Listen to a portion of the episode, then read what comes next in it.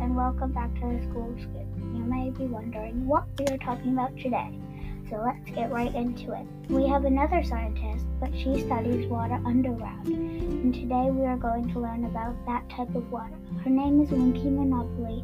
Winky, can you please tell us a bit about yourself? Yes, please. My name is Winky Hannah Monopoly, and I grew up in the city. Then I went to college and studied water. And then, once I learned a few things, I focused on one thing aquifer. That is what water underground is called.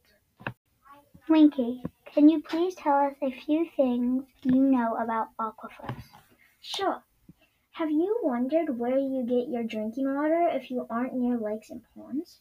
Aquifers. Sometimes you need to dig maybe only 100 feet, and sometimes you need to dig up to 1,000 feet. Wow!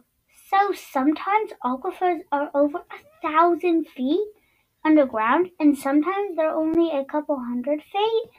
Yes, and especially in the desert, the aquifers are super far down, like in Arizona and places around there. Wow!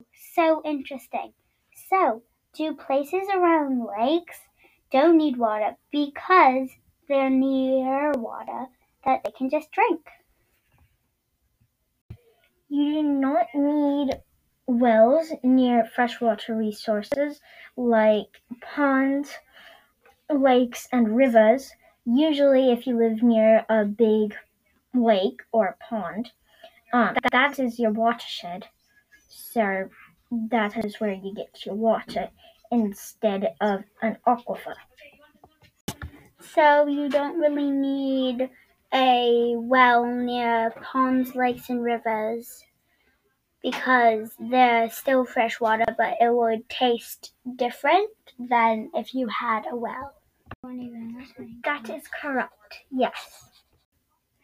So, how do you know where is the best place to put a well? Um, so you would find the biggest trees on your property and dig in between, directly in between those two trees, and you would usually find water. That is what we learned in A Long Walk to Water we are reading as a class. So cool.